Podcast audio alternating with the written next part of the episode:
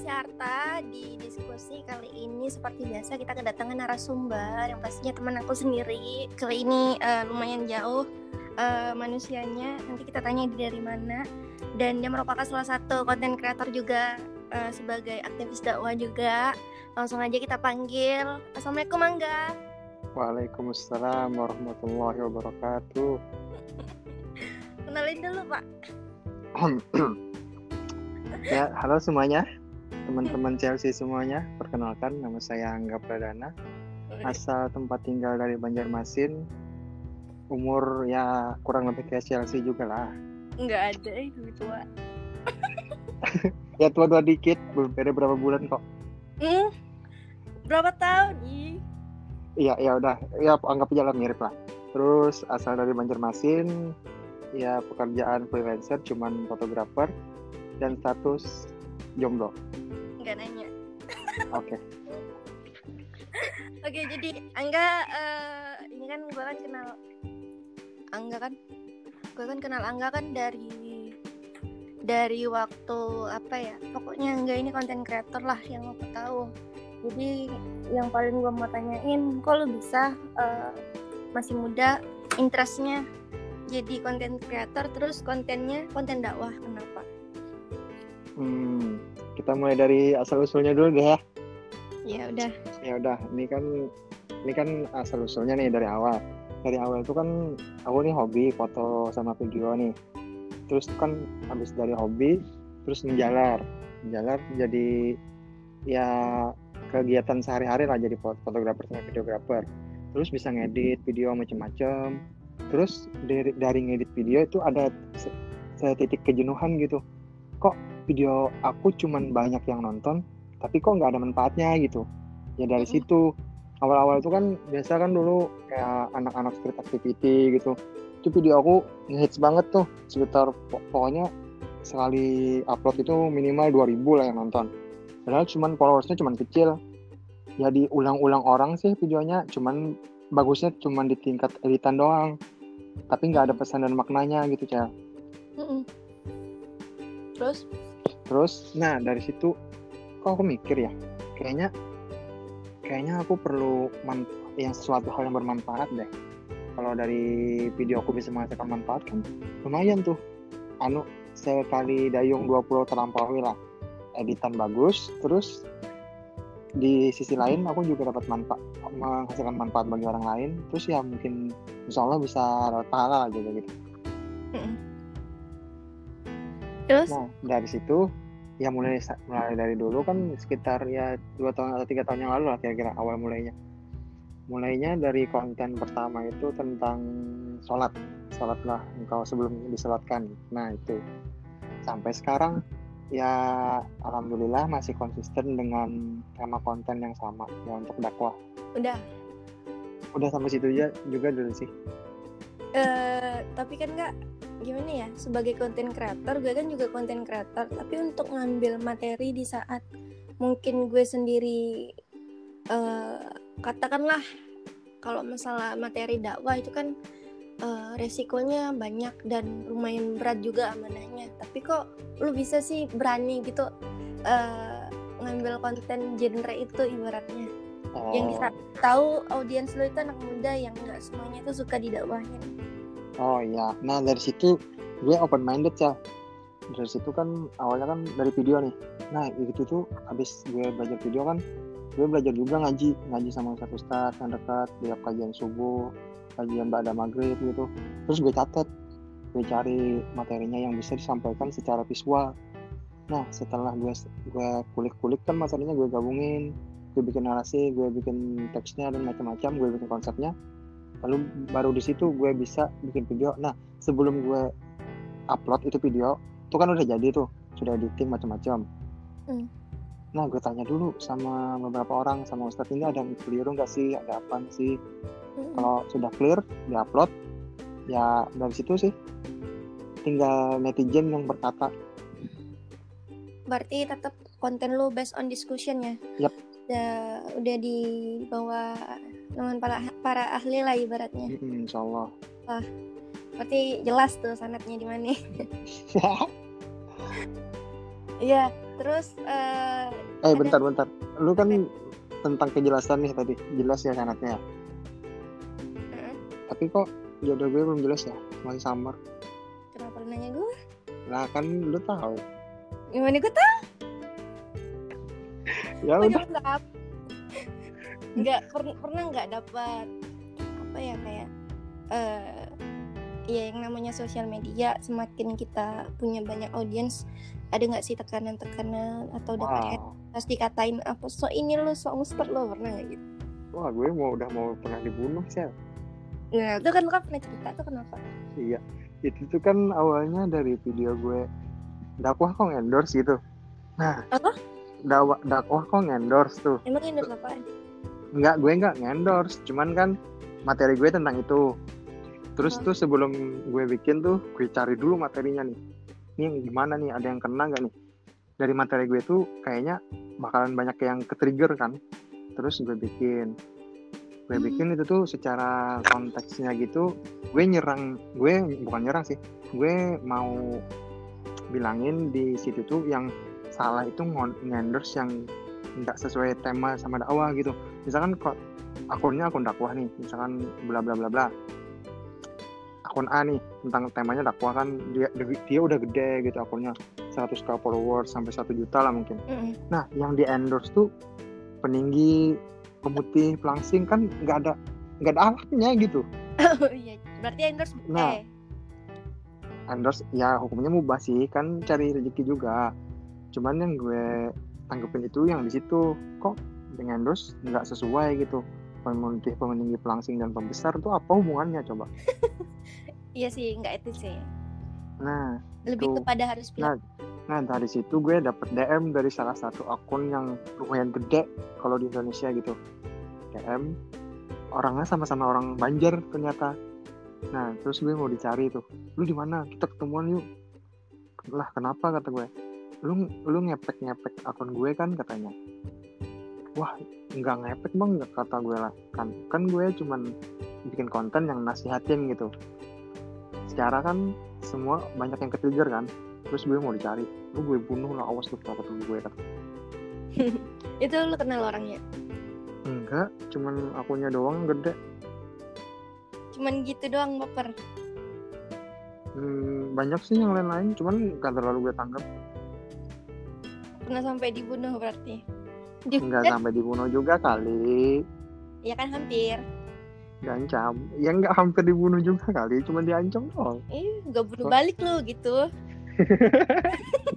Lu, lu pikir dah kalau misalkan ada orang kebunuh terus mati lah gimana mau cara mau bunuh baliknya? Coba bang sebelum sebelum dibunuh lu bunuh aja. Pokoknya itu kan namanya nggak kebunuh ya. Ih kasar lu pikir aja itu ayam lu lu bunuh. Terus itu kan ayamnya mati. Gimana lu mau makan kalau ayamnya itu belum mati? Gitu coba itu belum kebunuh namanya. Sebelum nyawa di tenggorokan sepek dulu. Ya, nggak bisa lah nggak belum kebunuh namanya. Masih masih sekarat maut. Yang penting kan udah udah masuk pisaunya nyawanya belum keluar. Nggak ada halaknya orang emang. Gua doain gue yang baik-baik kenapa Cuma ntar beneran gak dapet gue ya Allah. Nah, terus apa lagi nih? Pernah dihujat? Nanya apa lagi nih? Ah udah sering dah makanan sehari-hari mah. Ini gelar yang melekat. Apa wah ya? wah mantap banget banget dah. Pucak boy. Apa gelar apaan? Kalau kalau orang-orang sekarang bilang mah pak boy. Wes tuh nggak paham lagi dah kenapa jadi bisa melekat gelar itu sama gue. Soalnya gue anaknya orang ba- anaknya anak baik-baik loh. Apa? gue anaknya anak baik-baik. Oh gitu. Baik. Ya alhamdulillah. Ya Allah. Foto kemarin lupa buset Ntar heboh lu Iya nah itu gelar yang, yang melekat tuh. hujatan itu kan pasti datangnya. Iya pokoknya kalau ada keburukan datang dari luar itu kan pasti ya ya datangnya dari diri sendiri sebenarnya sebabnya dari diri sendiri. Ya diri aja coba depan kaca gitu. Kok bisa ya gue di- dikatain fuckboy nah, gitu. Bentar bentar. Gue ke depan kaca dulu. Udah kelihatan belum muka-muka fuckboy? Enggak sih baik ini Oh, baik. Heeh. Tapi coba kita balas para chat para para balas yang- chat nggak pernah lama coba coba tanya apa? Apa? balas chat nggak pernah lama baik alhamdulillah Baik. Heeh. Tapi DM DM Ahwat itu jarang ngebales tuh kan kurang baik apalagi coba baiklah. Ya Allah, sabar. Pengen gue wawancarain para ahwat nih serius.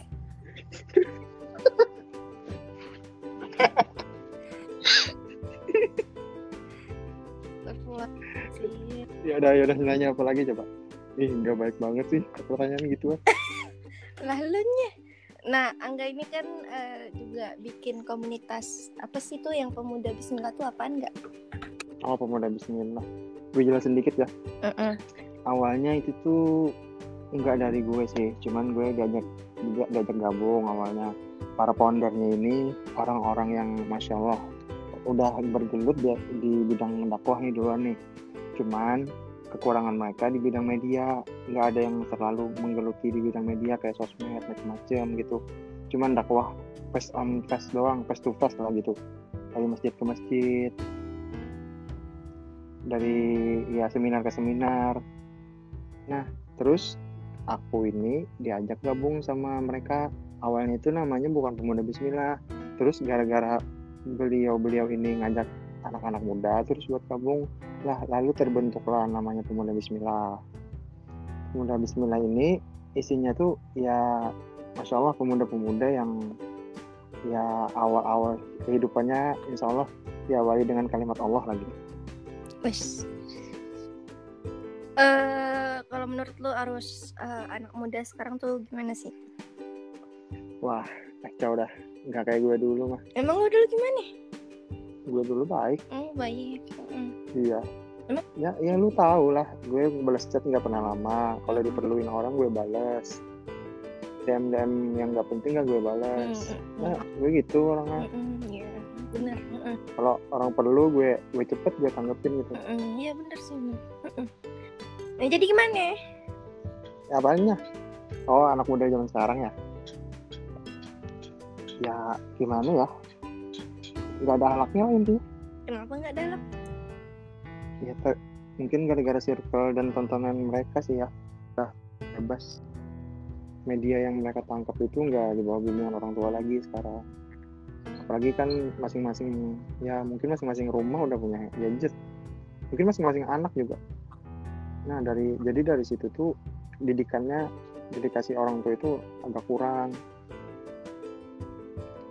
ya jadi menimbulkan pergaulan ya yang you know lah zaman sekarang Mm-mm. Ya gimana ya? Sekarang mau beli gadget aja dipermudah, dikasih akses. Kalau mau beli handphone nggak ada duit nggak apa-apa, ngutang aja dulu. nah itu Nah kan. gimana nggak bisa semua orang nggak punya handphone? makanya dari situ juga sih Terus eh, kalau misalnya nih eh, ada banyak anak muda di luar sana yang ya mungkin nggak bisa nggak bisa fotografi kayak lo nggak bisa ngedit video tapi pengen gitu bermanfaat. Kira-kira lu ada saran nggak? Hmm, gimana ya? Jadi bermanfaat itu nggak selalu harus punya ini dan itu. Cuman kita harus memulai. Dari mana kita memulainya dari mana yang kita inginkan kita mulai gitu. Jadi misalkan dia ingin bermanfaat nih bagi sekitarnya ya mungkin mulai dari cabut-cabut rum- tempat rumah mungkin. Bisa ada ya bersihin ilalang bantu orang tua. Itu udah bermanfaat kok. Cuman masih di circle dia nggak terlalu lebar lah sayapnya bermanfaatnya dia itu. Nah kalau mau bermanfaat kita tuh harus punya potensi yang kita miliki. Misal Chelsea kan nih penulis nih. Wis aduh jadi malu gue. Ngapain jadi lu yang malu? Lah lu kan temen gue oh iya. Nah. Nah, kenapa? itu kan misal udah punya potensi misalnya menggambar melukis macam-macam kan itu tuh bisa dibuat dipakai buat kebermanfaatan tuh. Buat misalkan gambar Chelsea nih gambar Chelsea kan bisa buat branding suatu sesuatu lah. Nah dia itu tuh potensinya bisa buat bantu orang-orang sekitar buat bikin pamflet donasi. Nah itu kan bisa bermanfaat tuh asal dia punya potensi di bidang dia. Gitu. Jadi gue udah Mm-mm. bermanfaat belum nih? Kayaknya belum sih. Kenapa belum? Buat gue. Lah gue nggak ada di konten lu. Eh? gue nggak pernah ada di konten lu coba. Ini? oh ini ya? Astagfirullah. Dasar nggak tuh terima kasih. Oh iya ya gue nggak nggak pernah di konten lu. Nggak tahu ya deh. nanti deh kapan-kapan. Nggak nanti gue diserang gue males gue nah itu kan yang gue takutin. Itu gue satunya. berani. Jagoan gue mah berani gue ah belum aja lagi lu DM sama akun pack ya akun fake nggak main gue mah kalau sama akun fake nggak bakalan gue laden. Dihujat satu Indonesia aja bisa. Apalagi dihujat sama netizen lu biasa itu mah Oh, nantengin lah. Apa? nantengin lu ya. Lu nantengin kayaknya ya.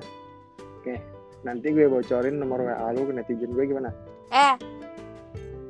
Nggak tahu lo nah kok ngeges sih? Enggak, gue paling gak suka kalau nomor gue disebar-sebarin serius. Benci gue. Apalagi ya, ya Allah. apalagi ya? Lu mau nanya apaan coba? Gue mau nanya apaan? Coba. ya udah gue aja yang balik yang nanya nih. Gimana nih? Udah tanya-tanya. Ya udah. Nah lu kok kok tahu sih? Nah gini nih.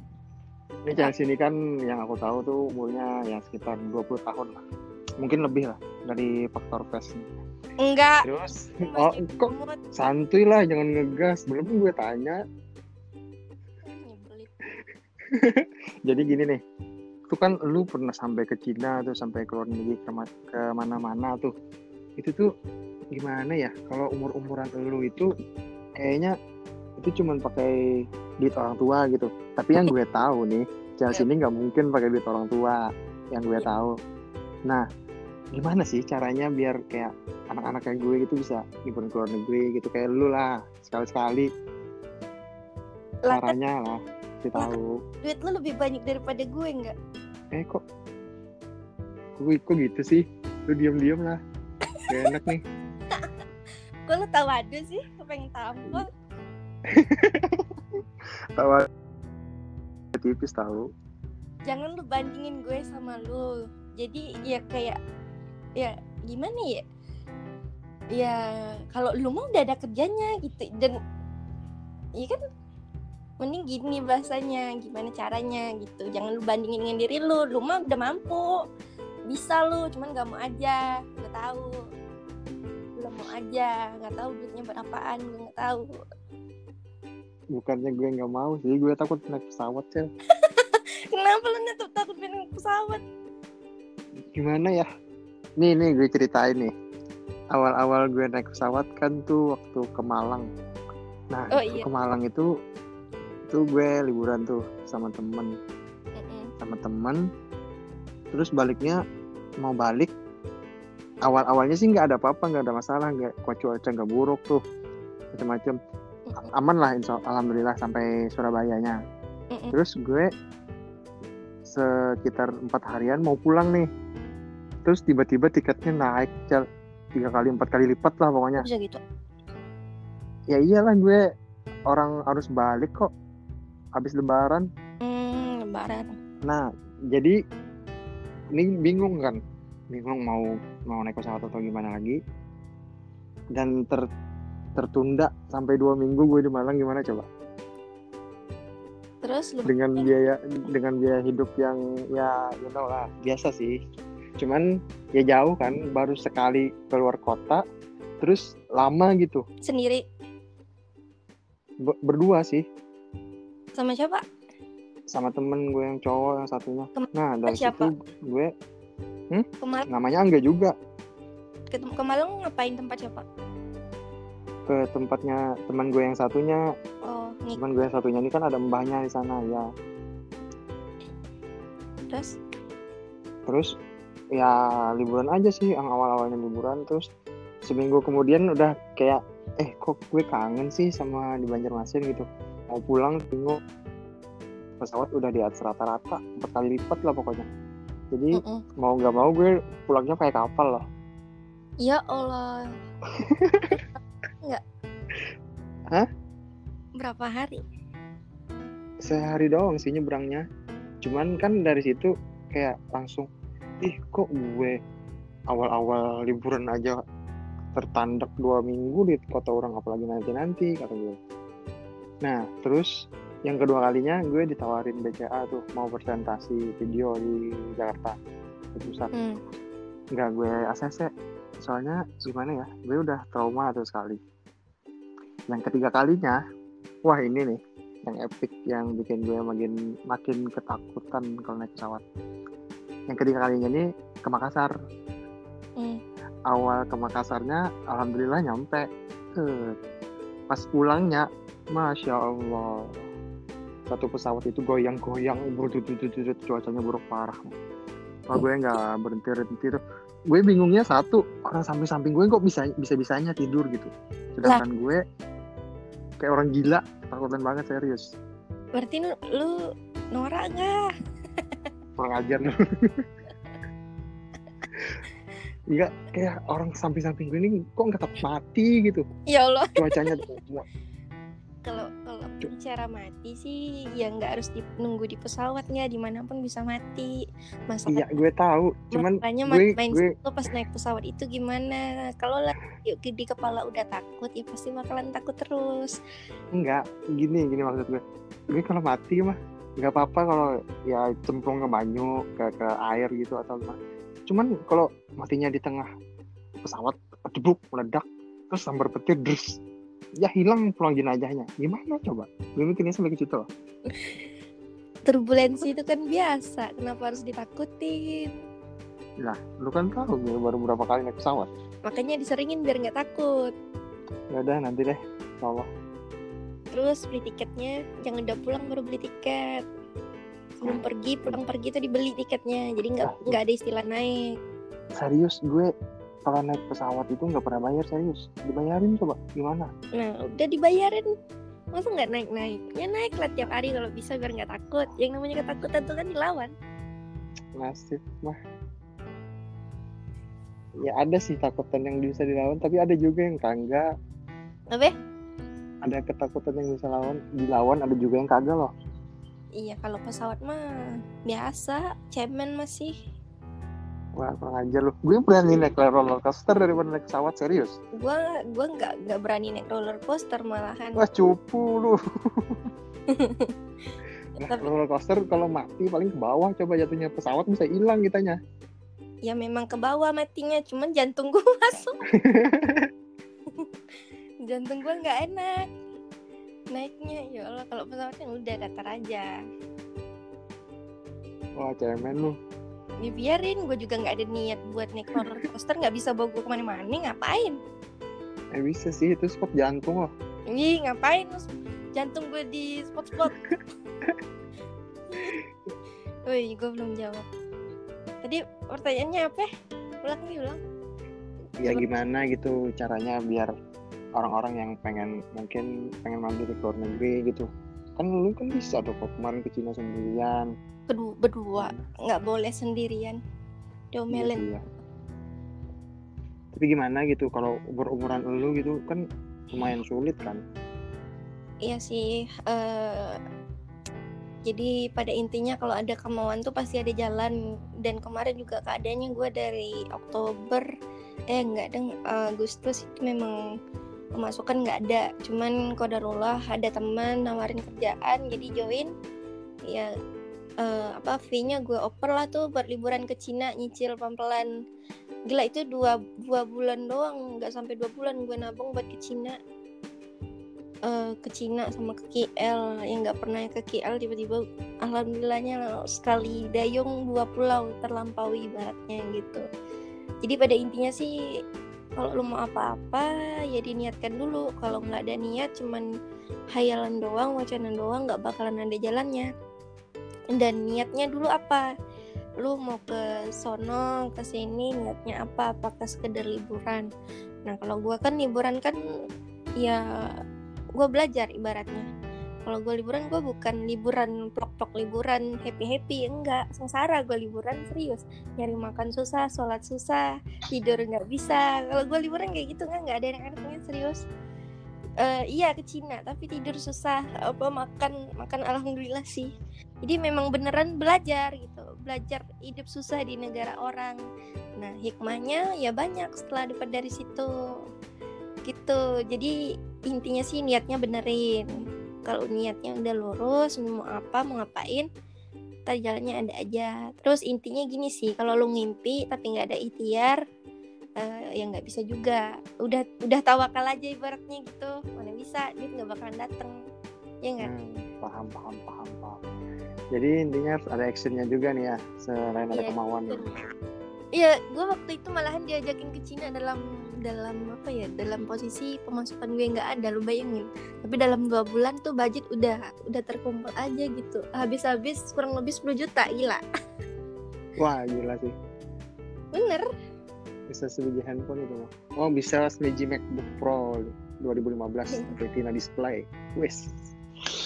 Anda?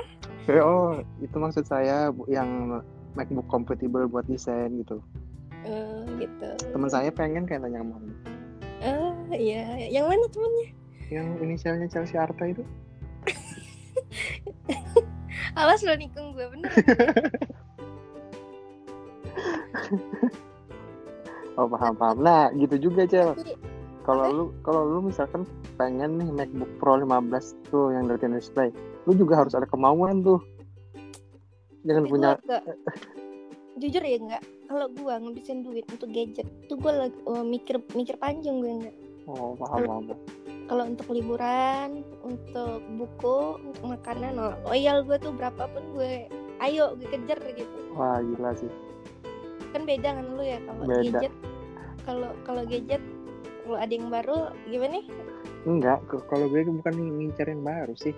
Kalau gue lebih tipikal kebeli barang bekas, cuman masih brandnya itu masih tinggi harganya. nah, Nah, iya jadi tapi gue beli nanti mungkin kalau gue jual bisa untung gitu. iya tapi kan lumayan juga walaupun bekas harganya kan Iya sih. Iya.